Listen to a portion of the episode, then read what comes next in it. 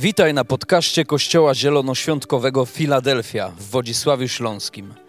Mamy nadzieję, że to przesłanie zachęci Cię do bliższej relacji z Jezusem. Jeżeli jesteś ciekaw, kim jesteśmy, zapraszamy Cię do odwiedzenia naszej strony internetowej filadelfia.org.pl.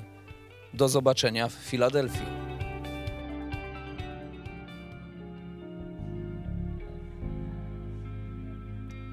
Dziękujemy Ci za ten czas i za to miejsce. Panie, że jesteśmy tutaj na tym miejscu jako Twoje dzieci. Oddajemy Tobie cześć i chwałę, ale też otwieramy nasze serca, Panie, byś nas budził. Byś nas budził w tym czasie, na tym miejscu, Panie, abyś do nas mówił. Ten czas uwielbienia, Panie, ma nas przygotować na spotkanie się z Tobą, na otwarcie naszych serc, tak szeroko jak się tylko da, na pozostawienie wszystkiego tego, co dzieli, co nie uwielbia Ciebie, aby nie było przeszkodą w słuchaniu Twojego słowa. Panie, przychodzimy jak niegdyś uczniowie do Twoich stóp, aby Panie usiąść przy nich i słuchać, jak mówisz. A Ty jesteś wspaniałym Bogiem, który dbasz o nas, o nasze potrzeby i wierzę, że dzisiaj będziesz zaspokajał każdą naszą potrzebę. Że przychodzimy tutaj spragnieni Ciebie, spragnieni Twojej obecności, przychodzimy spragnieni Twojego słowa, tego byś nas leczył, byś nas przytulał, byś nas karcił, wskazywał nasze błędy, nasze upadki, aby to wszystko można było, Panie, zostawić gdzieś w oddali. Jesteś Bogiem, który przychodzi dzisiaj na sąd, ale to jest niesamowity sąd. To jest sąd, kiedy ślepy będzie widział, a kiedy ten, kto uważa, że widzi, oślepnie.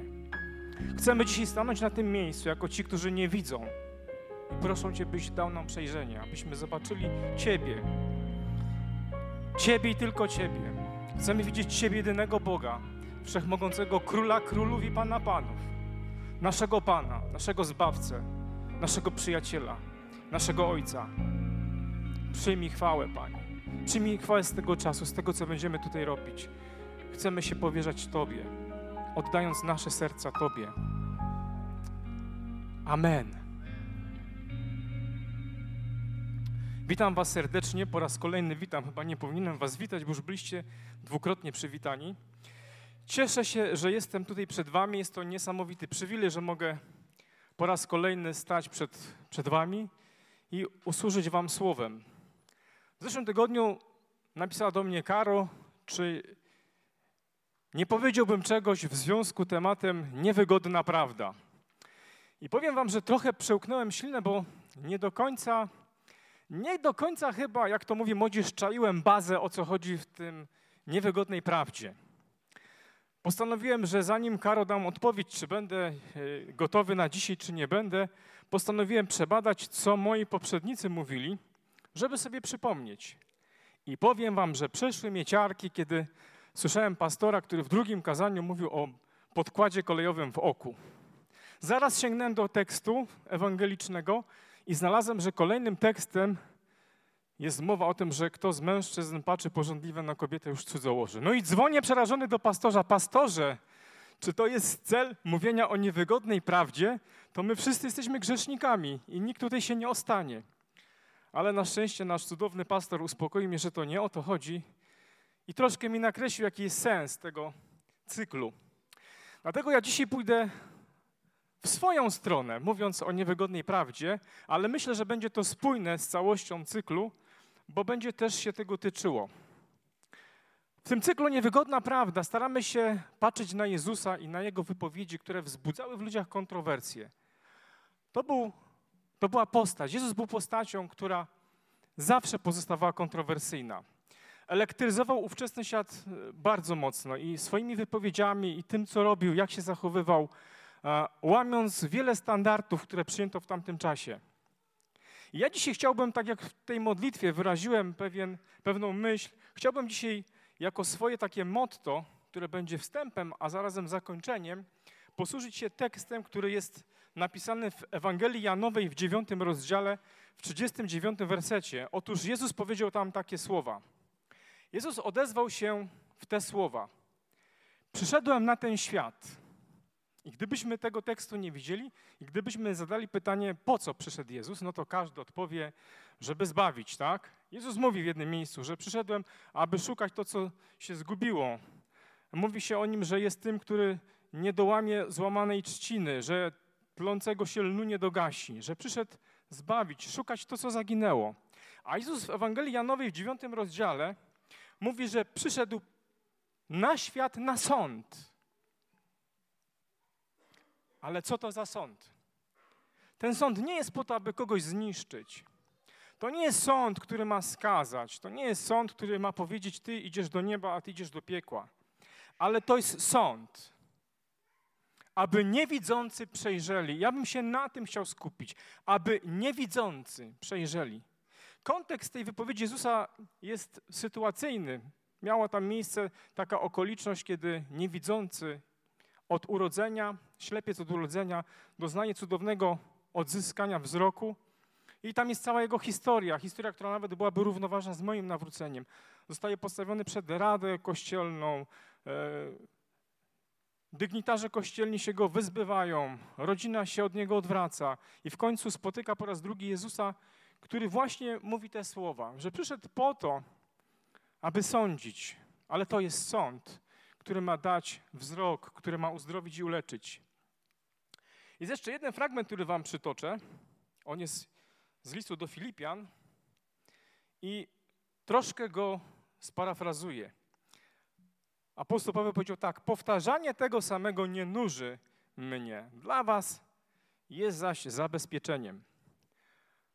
Powtarzanie tego samego. Wiecie, Biblia jest skończoną księgą.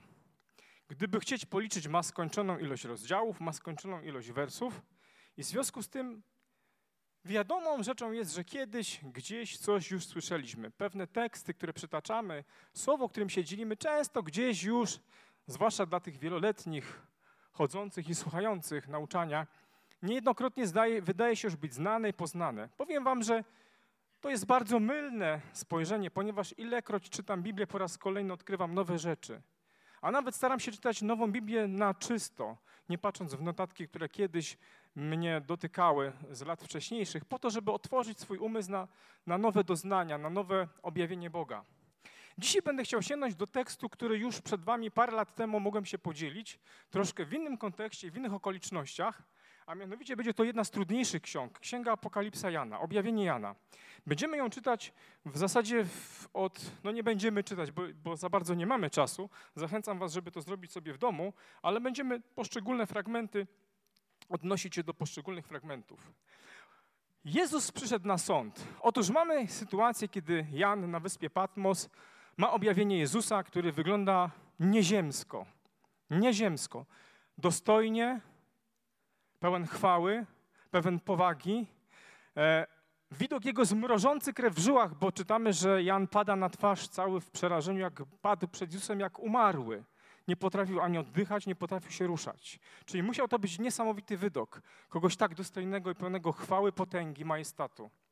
I nagle ten Pan zaczyna mówić do Jana, by zapisał, że będzie przemawiał do siedmiu kościołów, obnażając, osądzając ich życie. Chciałbym, żeby ten sąd, o którym Jezus mówił w Ewangelii Janowej, dotknął nas też dzisiaj.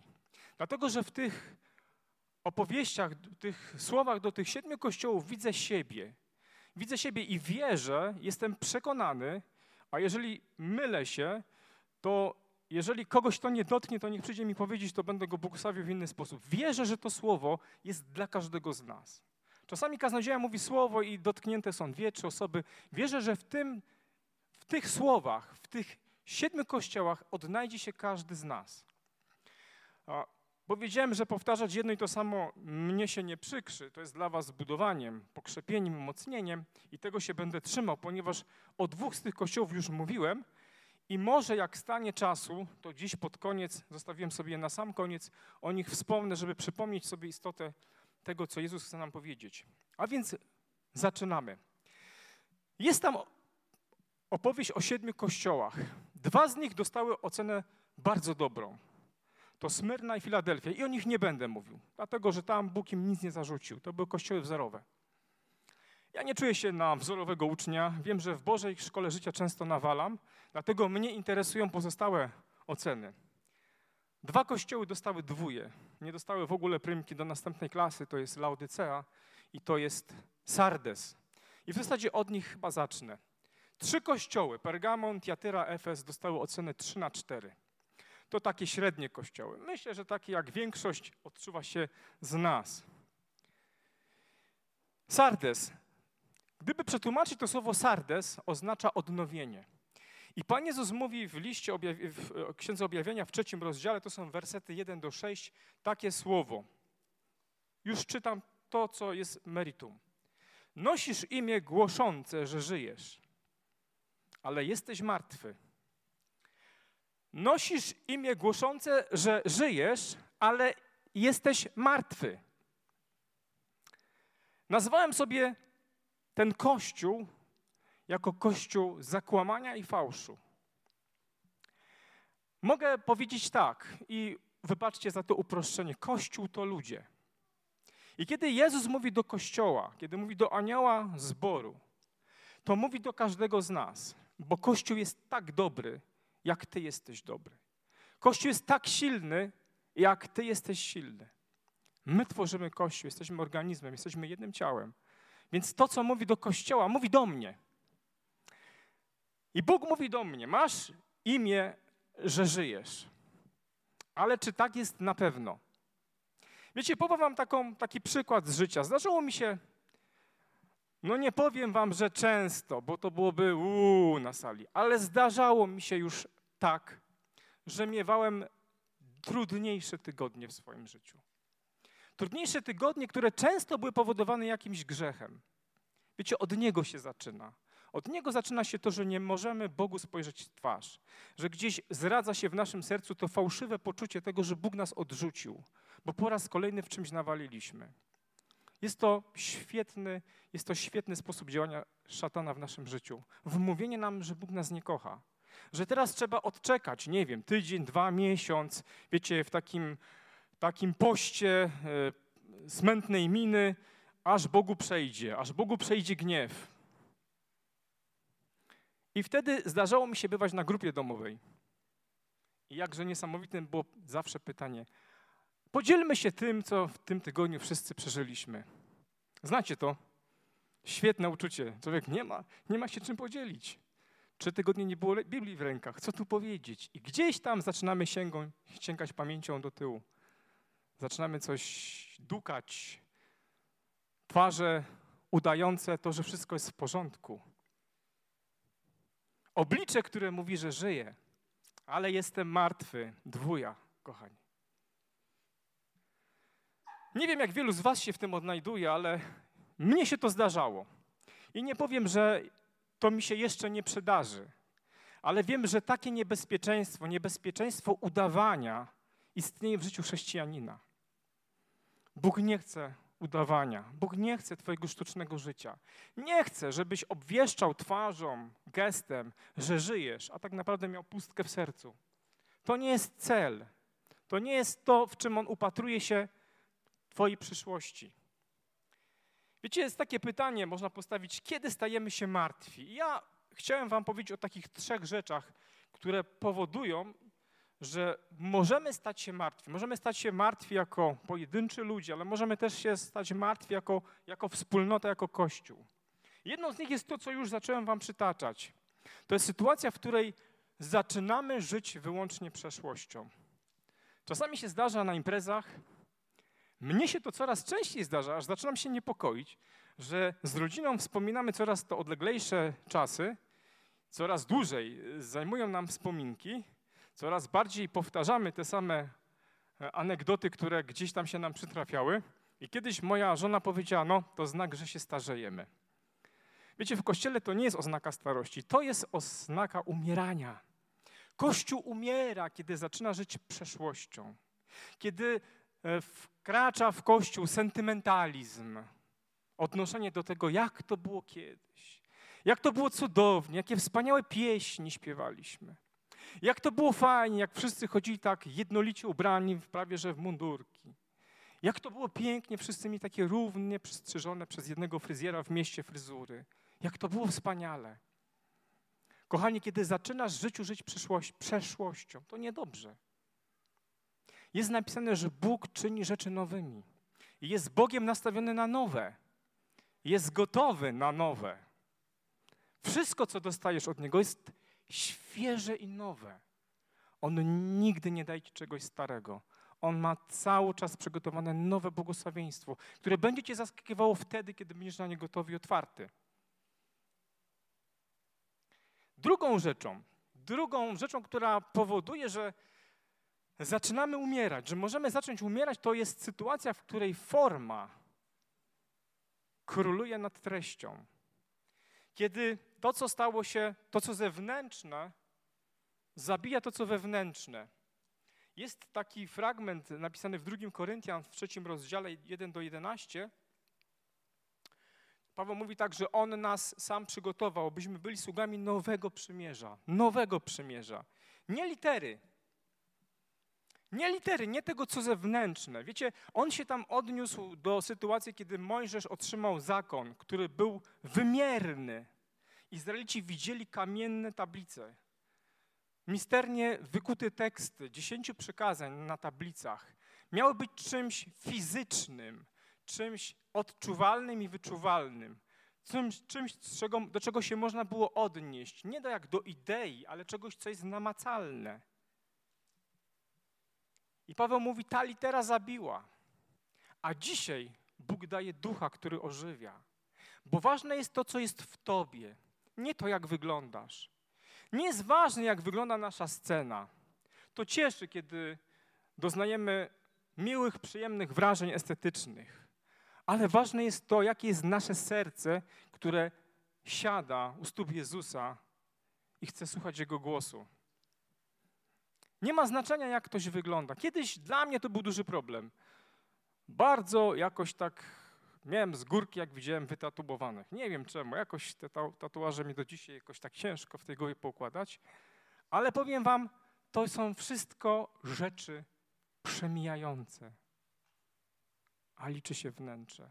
Ile razy zdarzyło wam się spotkać kogoś, kto wyglądał jak wyglądał, ale kiedy zaczął z wami rozmawiać, to wzbudził wasz szacunek, podziw, wow.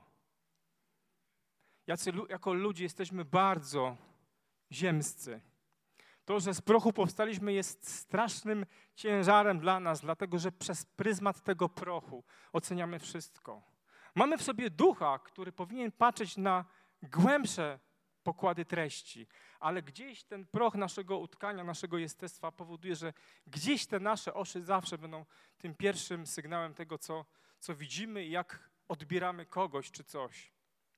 Kiedy forma ma dla ciebie znaczenie, umierasz, bo Bóg jest duchem.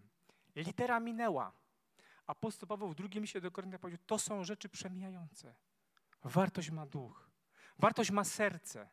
Jest powiedział nie to, co nie szata zdobi człowieka, ale tak naprawdę y, słowa, serce, ono oddaje Twoje piękno albo pokazuje, jakim potworem jesteś.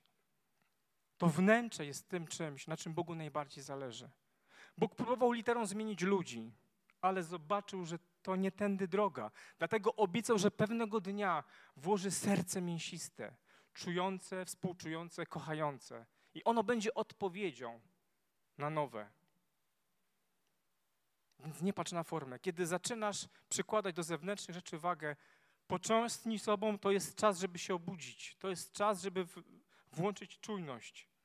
Trzecia rzecz, która powoduje, że jako Kościół, jako społeczność, jako poszczególni członkowie, jako ludzie, jako wierzący możemy zacząć obumierać, to jest materializm. Materializm to taka postawa życiowa, która traktuje rzeczy materialne jako cel, jako cel sam w sobie. Sprawy materialne, cielesne, przyziemne, przyjemność. Te rzeczy jeżeli one zaczynają w naszym życiu królować, jeżeli zaczynają wkradać się w nasze życie, to jest czerwone światełko, że trzeba zatrzymać się i zastanowić. W liście do Kolosan powiedział Paweł tak, to jest trzeci rozdział, cztery, pierwsze cztery wersety. Skoro więc razem z Chrystusem zostaliście wzbudzeni, zabiegajcie o to, co w górze. Myślcie o tym, co w górze. Tam nie ma materii. Tam jest Bóg. Tam siedzi Chrystus po prawej stronie Boga. Myślcie o tym, co w górze, nie o tym, co na ziemi. Umarliście bowiem, a wasze życie jest ukryte wraz z Chrystusem. Tak, to jest jedyna śmierć, którą dopuszczamy w życiu chrześcijanina, kiedy umieramy dla rzeczy tego świata, a zaczynamy żyć dla Boga. Więc, kochani, ja miewałem chwilę, kiedy w Bożej ławce szko Bożej Szkoły musiałem niestety otrzymać ocenę niedostateczną, ponieważ zdarzało mi się żyć pustym duchowo życiem. Kolejne dwa kościoły złączyłem razem z uwagi na to, że mają podobną treść i mówią o podobnych rzeczach. To Pergamon i Tiatyra. Bóg te kościoły wycenił na 3,5. Taka średnia ocena. To są kościoły, które dostały też dobrą ocenę od, od Boga, od Pana Jezusa. W drugim rozdziale, kiedy czytamy o właśnie o Pergamonie, Jezus powiedział tak w 13 wersecie. A jednak trzymasz się mocno mojego imienia i nie zaparłeś się swojej wiary. Do Tiatyry powiedział tak. Wiem o Twoich czynach, o miłości, o wierze i służbie. Wiem o Twojej wytrwałości, o Twoich ostatnich czynach, które są lepsze niż pierwsze. Słuchajcie, to jest bardzo dobra ocena. Ja, kiedy zastanawiałem się nad tym tekstem, to powiem Wam, troszkę czułem dreszcz niepewności, czy mogę powiedzieć, że moje czyny teraźniejsze są lepsze niż te przeszłe. Pewnie jest wiele dyscyplin, wiele dziedzin w życiu, w których, o których tak nie mogę powiedzieć.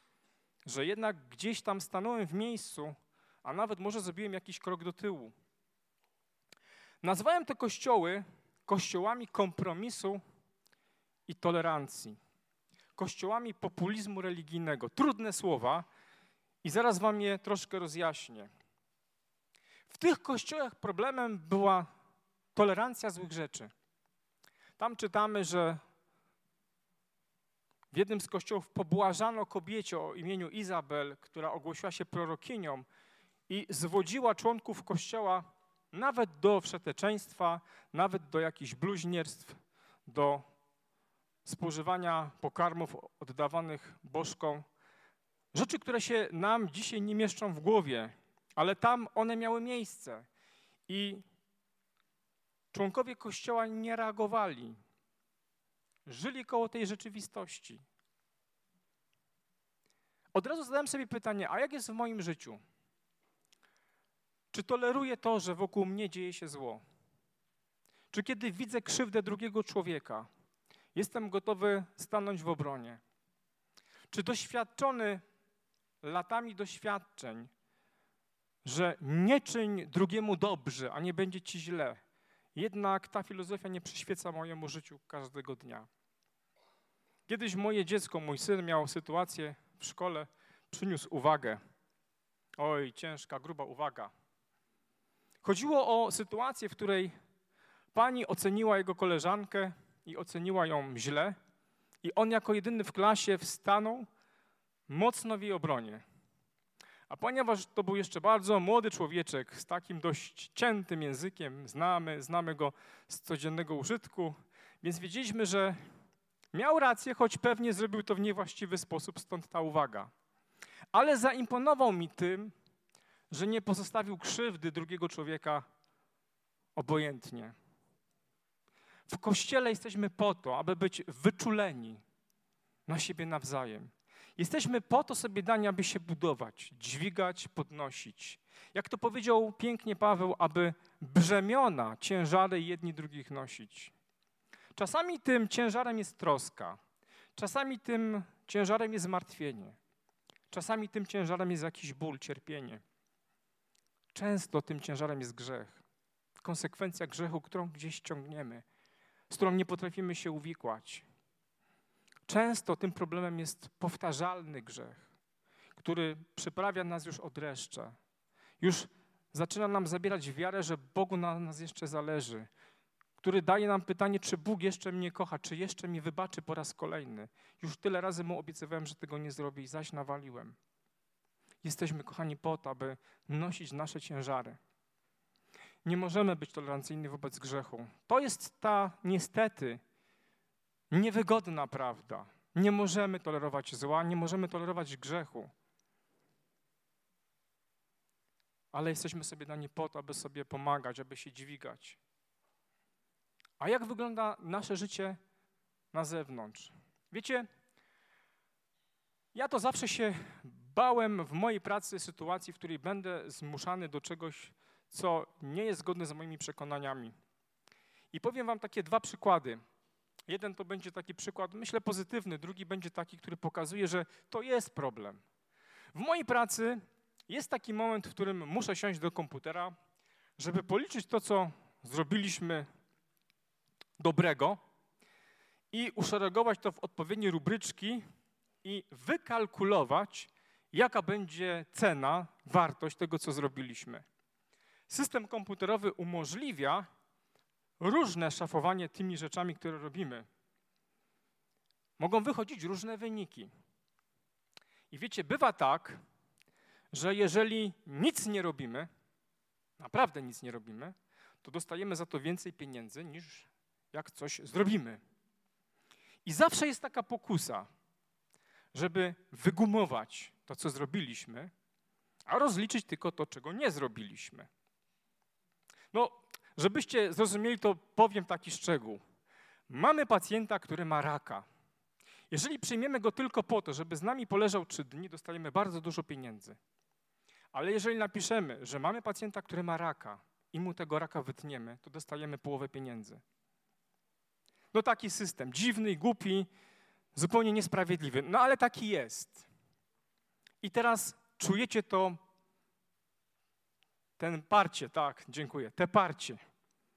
Krzysztof, no ja wiem, że jak go rozliczymy, że, że go zoperowaliśmy, to, to będzie gorzej, no ale pomyśl, no kondycja szpitala, oddział, długi i te rzeczy. I gdzieś człowiek robi ten mały, pierwszy kompromisowy krok. Parę lat później, kiedy zabrnęło się już dalej, głębiej w takiej niedorzeczności, bardzo ciężko jest z tym zerwać. Jakże bardzo ciężko jest powiedzieć, szefie, nie będę tego robił. Dlaczego? Pytanie dlaczego? Dlaczego tego nie chcesz robić? Do tej pory to robiłeś. Bo w głowie mam gdzieś bo jestem Bożym dzieckiem i to jest, to jest niedobra rzecz. Tak nie powinno być zrobione. Dlaczego to robiłeś tyle lat? Dlaczego wtedy na początku nie powiedziałeś, że tego nie będziesz robił, bo twoje przekonania, bo to, że wierzysz w Pana Boga? Wiecie, kompromis jest czymś, co rujnuje nasze życie, bo wkrada się małym kroczkiem jako usprawiedliwialne zło, jako ujemny plus. Ale kiedy wchodzi w Twoje życie, będzie chciało więcej. Kompromis będzie chciał więcej. To jest tylko na razie początek. Aż w pewnym momencie, jak domino, będzie ciężko to przerwać, będzie ciężko się z tego wycofać. Drugi przykład. Prowadzę działalność i mam coś takiego jak kasa fiskalna. I wiecie, bardzo mi się podoba sytuacja, kiedy pacjent, który wychodzi, Mówię mu kwotę, zaczynam wystukiwać numerek na kasie fiskalnej. Doktorze, proszę nie nabijać paragoniku. Nie potrzebuję. Wiecie, cieszę się, że wtedy mogę powiedzieć, ale moje sumienie potrzebuje, ale ja potrzebuję. Ten paragonik drukuję nie dla Pana, drukuję go dla siebie. Żebym wiedział, na czym stoję i co jest wartością, w którą wierzę. W Kościół w Tiatyrze miał świetne cechy. Miał wiarę, miał służbę, ale dali się zwieść kompromisowi. Nie warto. Naprawdę nie warto. Ten kompromis widać w przypadku Izraela. Pamiętacie, kiedy Bóg wyprowadził Izraela z Egiptu, to przygotował dla nich Kanaan. No, powiem wam tak, gdy czytamy uważnie, to on go jeszcze im nie przygotował. Oni se go mieli sami przygotować. Powiedział im, że muszą wykurzyć wszystkich tubylców po to, żeby móc wziąć ziemię, która będzie dla nich opływającą w mleko i w miód. Znacie to, tą historię, tak? Bóg wiedział, że nie mógł przed nimi wypędzić wszystkie narody, żeby tam było pusto, bo nie ma w przyrodzie stanu pustki. Jeżeli coś jest puste, to za chwilę jest to zagospodarowane. Żyjemy w świecie, w którym działają, duchowym świecie, w którym zawsze działają dwie siły. Nie ma pustki, albo jest Bóg, albo jest diabeł. Nie ma czegoś pośrodku. I Bóg zalecił im, żeby wykurzyli wszystkie obce narody. Wiecie, dlaczego kazał im to zrobić? Bo wiedział, że to są ludzie. Ludzie, którzy będą ulegli różnym kompromisom. Bóg wymyślił, że trzeba zrobić wszystko, żeby ich oddzielić od jakiejkolwiek możliwości, żeby cokolwiek na nich wpływało. Czy to się udało? No czytamy historię, która nam opowiada, że jednak nie do końca. Gdybyście otworzyli Księgę Sędziów i pierwszy jej rozdział jest napisane tak. A Pan był z Judą, objął on w posiadanie góry, lecz nie wypędził mieszkańców. Synowie Beniamina nie wypędzili Jebuzejczyków. Manases nie wypędził mieszkańców Dory i jego osad. Efraim nie wypędził, Zebulon nie wypędził, Asher nie wypędził, Naftali nie Wszyscy nie wypędzili. Każdy sobie coś zostawił. To stało się dla nich powodem klęski. Tego, że przez setki lat byli ciemiężeni, otrzymywali ratunek, ale znowuż wchodzili w te same złe układy z ludami, które zamieszkiwały teren Izraela. Wiecie, Boża koncepcja była prosta. Oddzielić wybranych od wszelkiego zła. To teraz pomyślcie sobie o nas. Jesteśmy w świecie. Pan Jezus powiedział w modlitwie arcykapłańskiej: Ojcze, modlę się za moimi uczniami i za tymi, których oni pozyskają, żeby nie było w nich świata. Oni będą na świecie. Ja odchodzę do Ciebie, ale oni pozostaną w świecie. Spraw, żeby świat nie był w nich. My dziś jesteśmy jak Izrael, który zostaje skazany na to, żeby mieszkać w świecie, który jest pełnym dziwnych filozofii, dziwnych poglądów, dziwnych idei. Jesteśmy nimi bombardowani wszędzie w prasie, w telewizji, w internecie. I to wszystko gdzieś osadza się w naszym umyśle, to wszystko gdzieś osadza się w naszym sercu i jest wypadkową tego, jak wierzymy i jak patrzymy na świat. Jeżeli do tego jeszcze dodacie, że przeciętny Polak spędza ileś tam godzin w internecie, czytając różne treści, a spędzamy kilkanaście minut tygodniowo na czytaniu Biblii, to widzimy, jaki jest, jaki jest dysonans, jaka dysproporcja w tym, czym nasiąka nasze serce.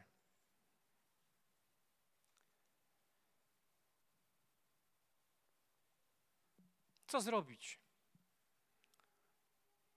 W pierwszym liście Jana napisał Jan takie słowa. Nie kochajcie świata. Nie kochajcie tego, co go napędza.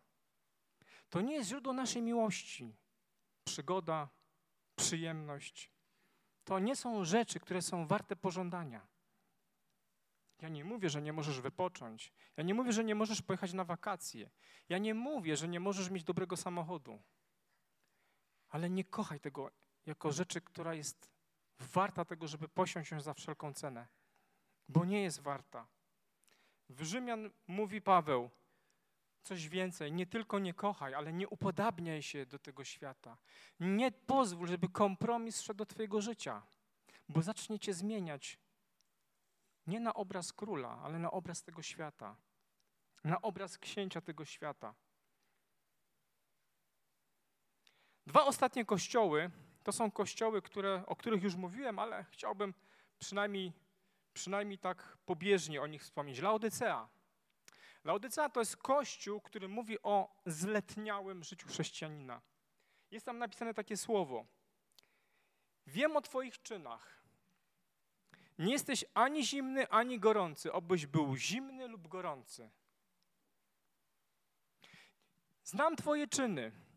Ani jesteś ciepły, ani zimny. Jesteś letni. Wiecie, dzieci lubią letnie rzeczy.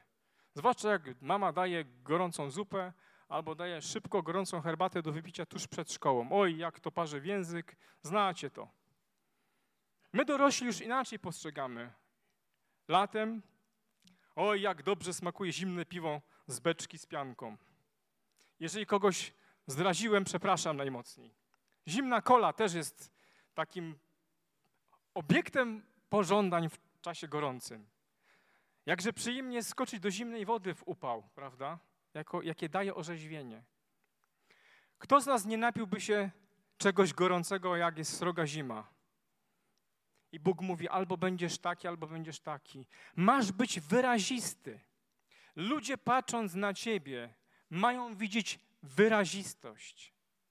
Masz być transparentny, masz być czytelny. Czy jesteś w swoim środowisku czytelny? Czy ludzie widząc ciebie od razu czują, że coś jest nie tak? Coś nie pasuje. Ten facet, ta, ta babka, coś jest z nim nie tak. Ona nie pasuje tutaj do, do tego, co tu się dzieje. Jeżeli tak, to jesteś, to jesteś w porządku, ale jeżeli nie, to gdzieś zletnienie wkradło się w Twoje życie. I to nie jest dobry stan. Można z tego wyjść. I Bóg daje receptę. Pan Jezus daje tutaj receptę, jak, jak z tego wyjść. Mówi tak, nie dość, że jesteś letni, to jeszcze masz mniemanie, że jesteś bogaty, że jesteś e, uposażony w wszelkie dobre rzeczy. Pan Jezus mówi, niestety, żeby teraz odkupić ten stan, w którym znalazłeś się z letnienia, będziesz musiał zapłacić cenę. Tą ceną będzie to, że musisz u mnie nabyć pewne dobra, które spowodują poprawę twojego stanu. Chrześcijaństwo kosztuje i wiecie o tym dobrze. To codzienne decyzje, których coś musimy poświęcać. I nie mniej jest w powrocie do Boga. Musimy coś poświęcać. Musisz coś zostawić, żeby zyskać coś większego. Nie bądź letni, nie warto. Staraj się żyć życiem, które będzie przejrzyste. Niech wiedzą, że patrzysz krytycznie na zło. Niech wiedzą, że masz gorące serce na ludzkie cierpienie, ludzką potrzebę. Bądź transparentny, bądź przejrzysty. Ostatni kościół to kościół, który jest dla mnie taką wisienką, bo on jest kościołem środka. To jest kościół, którego Jezus wycenił też na 3. To jest kościół, który miał wszystko. Miał uczynki, miał udrękę, wytrwałość, miał stałość, był niezmordowany, miał wszystko. Naprawdę, gdybyście przeczytali, to nie dało się czegokolwiek tam powiedzieć złego o tym kościele. Ale Pan Jezus znalazł jedną rzecz, która go ujęła, która spowodowała, że zrobiło mu się przykro. Wiecie, co za rzecz? Tam jest napisane, ale mam ci za złe, że porzuciłeś swoją pierwszą miłość. Swój zapał, swoją pasję. Coś, co powoduje, że jako człowiek byłeś inny, byłeś szczególny. Coś, co powodowało, że zbawienie, którym się cieszyłeś, miało taki wymierny aspekt. Pamiętacie te chwile, gdy oddaliście Bogu życie? Te łzy spowodowane pokutą, ten smutek, ale tą niecodzienną radość z wyzwolenia, z tego, że został zabrany wam jakiś potężny bagaż, potężny ciężar. Kto z nas tych chwil nie pamięta? A jednak Pan Jezus mówi, zważ, z jakiej wyżyny spadłeś, aby wrócić do mnie. Pasja jest czymś szczególnym. Pasja jest nieprawdopodobnym darem niebios dla każdego z nas. Bóg chce, żeby w tej ławce siedzieli sami pasjonaci, żeby w tych ławkach, na tych siedzeniach siedzieli sami pasjonaci, którzy są oddani bezgranicznie Bogu. Ta pasja jest czymś, co powoduje, że rozumiesz Boga. Pasja jest czymś, co powoduje, że odbierasz Jego niecodzienność, Jego niesamowitą osobę w taki sposób, jaki On chce, byś Go postrzegał. Jako Boga miłości, Boga kreatywnego, który ma dla ciebie tak wiele dobra. Porzuciłeś, odstąpiłeś, zaniedbałeś swoją pierwszą miłość. Nie kochasz mnie, mówi Bóg, tak jak na początku. Wiem, że jesteś stały, wiem, że jesteś wytrwały, wiem, że służysz mi, ale nie kochasz mnie już tak jak na początku.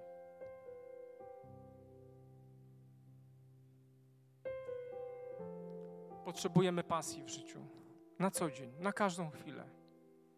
Kiedy popatrzycie na świat, zobaczycie Boga pełnego pasji. Popatrzcie na, w lustrze na siebie. Pomyślcie o sobie, że jesteście utkani z tysięcy, z milionów komórek, które do siebie pasują, które działają. Działają w harmonii wspólnie, poza, poza, waszą, poza naszą jaźnią, naszą kontrolą. To wszystko zrobił pasjonat.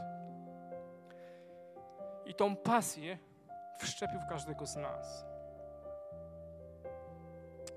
Dlatego kończąc, chcę to skończyć pozytywnie. Bóg przychodzi jako sędzia do nas i musimy mieć tego świadomość, że On nie tylko jest kochanym tatusiem, który nas przytula i głaszcze, który daje nam ukojenie, ale też jest Ojcem, który wkłada w troskę w to, jak rośniemy, jak wzrastamy, jak kierujemy nasze życie. I nieraz musi przyjść jako sąd, jako sędzia. Ale nie po to, żeby mnie i Ciebie zniszczyć, ale po to, żebyśmy przejrzeli, abyśmy nie widząc mogli zobaczyć. Pytanie, czy jesteśmy gotowi na to, żeby otworzyć oczy, żeby przyznać się do tego, że jesteśmy ślepi. Jeżeli jesteś gotowy, żeby przyznać się do tego, że nie widzisz, że jesteś ślepy, że jesteś gotowy, otwarty, żeby Jego sąd Cię uzdrowił, to On Cię zmieni, uleczy, da Ci nadzieję, podźwignie Cię z, Twoimi ciężarami, bo taki On jest, jest dobry i chwała Mu za to. Amen.